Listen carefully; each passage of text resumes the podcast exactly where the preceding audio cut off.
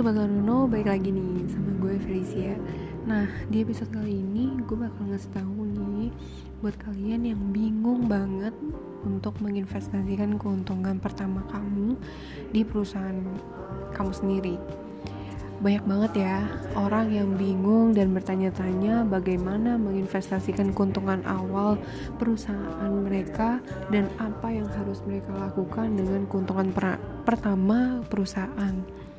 Nah, beberapa cara terbaik yang bakal gue kasih untuk berinvestasi dan menginvestasikan kembali keuntungan pertama pada perusahaan kamu nih. Poin yang pertama itu ada investasikan diri Anda. Maksudnya gimana sih?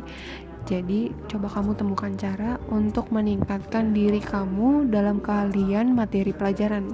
Misalnya, banyak perusahaan rintisan yang dipelopori oleh orang-orang yang memiliki mata yang baik untuk inovasi, tetapi belum tentu tahu cara pengelolaan orang, belum tahu cara pengelolaan orang lain. Ini sebabnya adalah salah satu kritik yang paling sering dihadapi para pendiri perusahaan.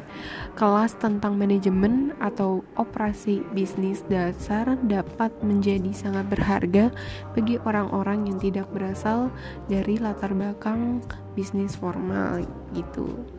Dan yang poin kedua ada nih, coba kamu tingkatkan bisnis kamu. Gimana caranya?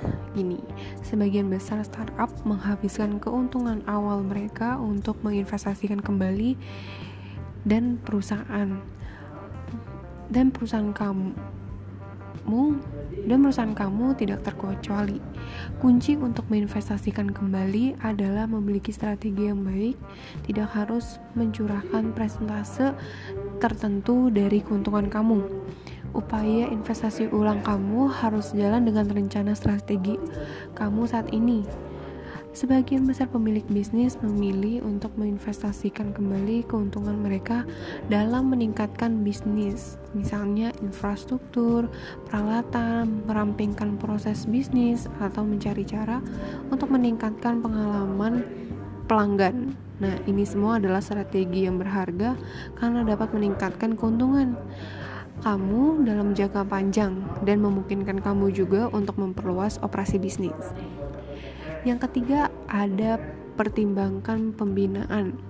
Jika kamu tidak yakin bagaimana kamu harus membuat rencana strategis, coba kamu pertimbangkan untuk menggunakan sebagian dari keuntungan kamu untuk menyewa seorang pelatih karir atau mentor Para profesional ini dapat memberikan panduan tentang kepemimpinan eksekutif dan membuat strategi bisnis, berbicara dengan investor dan juga menangani konflik antar karyawan. Itu.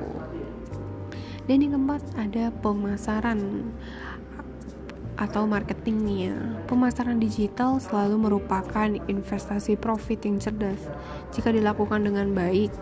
Banyak perusahaan rintisan yang kita lihat nih selama bertahun-tahun menunggu beberapa bulan sebelum mereka melakukan investasi nyata dalam pemasaran.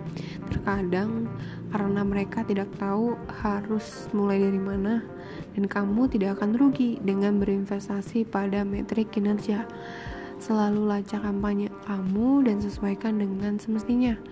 Jika kamu memiliki sedikit pengalaman dengan pemasaran, pertimbangkan untuk melakukan outsourcing ke biro iklan.